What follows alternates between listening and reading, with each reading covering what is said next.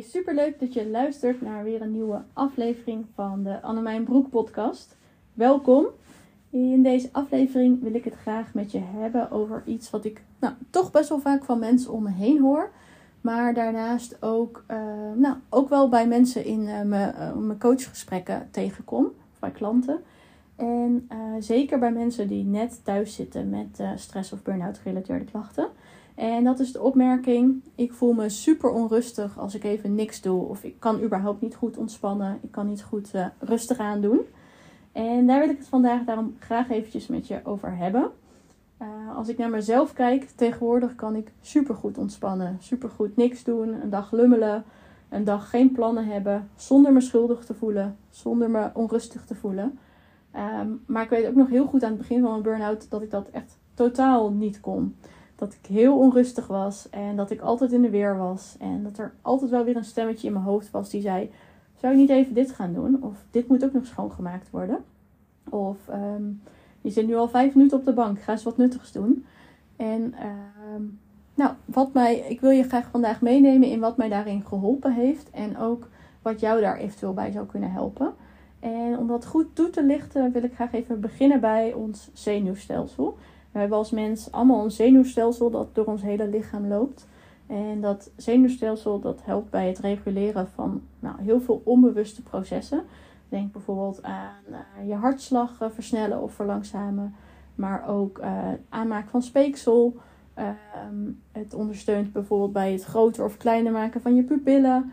Ehm, bij het reguleren van je bloeddruk. Nou, veel verschillende processen in je lichaam. En nu denk je ja, misschien van ja, wat heeft dit nou weer te maken met het feit dat ik het moeilijk vind om te ontspannen? Nou, dat heeft dus als eerste als volgt ermee te maken dat ons zenuwstelsel eigenlijk twee standen heeft. Aan de ene kant heb je de uitstand, dus de ontspannen, relaxe stand. En daarnaast hebben we een aanstand, dus de stand waarin we in actie komen, ook wel eens fight or flight genoemd. Maar in ieder geval waarin je um, nou, actie onderneemt en dingen gaat doen. En die actiestand is oorspronkelijk bedoeld nou ja, vanuit de prehistorie, ook op het moment dat er een wild dier aankwam, dat we konden wegrennen op het moment dat dat dier aankwam.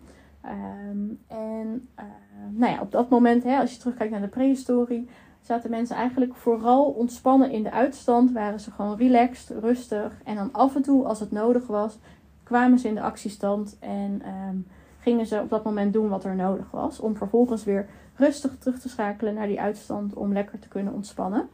Um, en we zijn dus als mensen eigenlijk heel erg gemaakt om veel in die uitstand te zitten, veel uit te rusten. En dan af en toe op het moment dat het nodig is, een keer in actie te komen en aan te staan. Om vervolgens weer goed terug te kunnen schakelen. Nou, wat er dus tegenwoordig gebeurt, is dat we met z'n allen zoveel aanstaan. Dat het ons lichaam eigenlijk niet meer goed zelf lukt om terug te schakelen naar die uitstand om weer tot rust te komen. En uh, bijvoorbeeld die hartslag weer naar beneden te krijgen en die ademhaling rustiger te krijgen. Omdat we zo gewend zijn om maar door te gaan, dat we eigenlijk onrustig worden als we dat wel een keer proberen.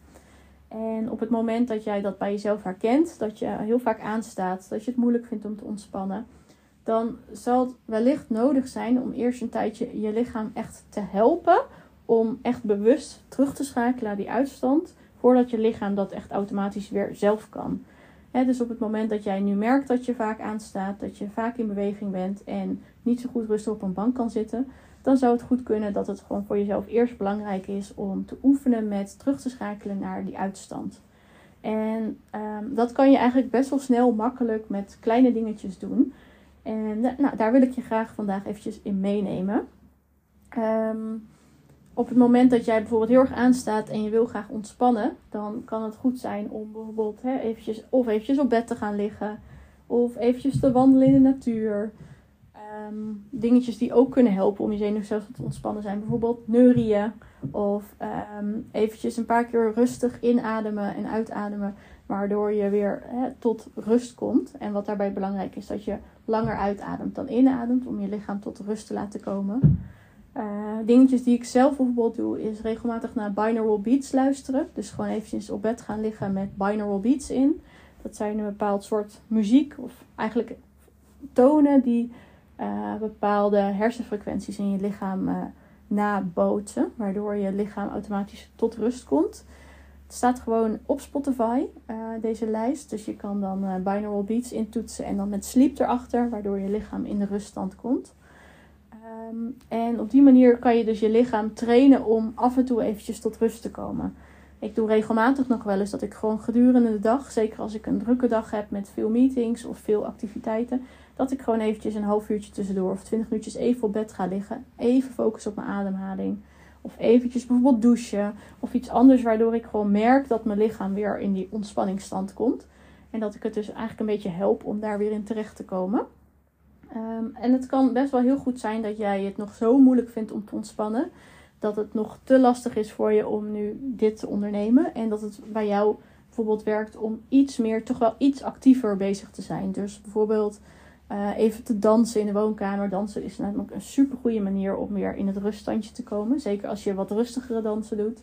Of eventjes te gaan shaken. Hè, bijvoorbeeld, ik weet niet of je een hond hebt misschien. En wel eens ziet dat het moment dat de hond een heftige situatie heeft meegemaakt. Dan gaat hij altijd schudden. Om het letterlijk uit zijn lichaam te krijgen.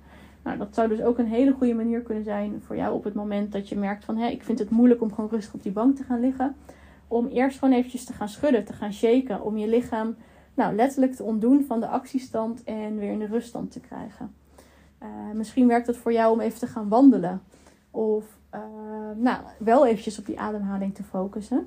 Dus het is heel verschillend per persoon hoe je, um, nou ja, wat voor jou werkt om in die ruststand te komen.